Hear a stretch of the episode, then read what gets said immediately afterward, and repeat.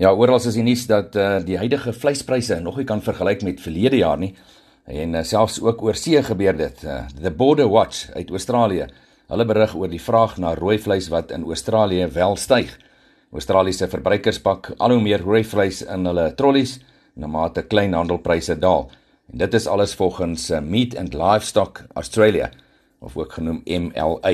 Die prys van beeste en skape het vanjaar aansienlik gedaal sedert 'n uh, historiese hoogtepunt in 2022.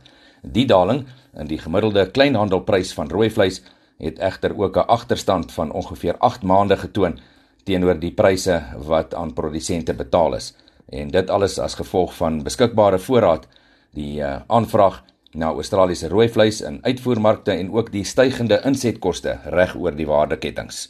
Soos gesê al hierdie nuus dan van The Border Watch.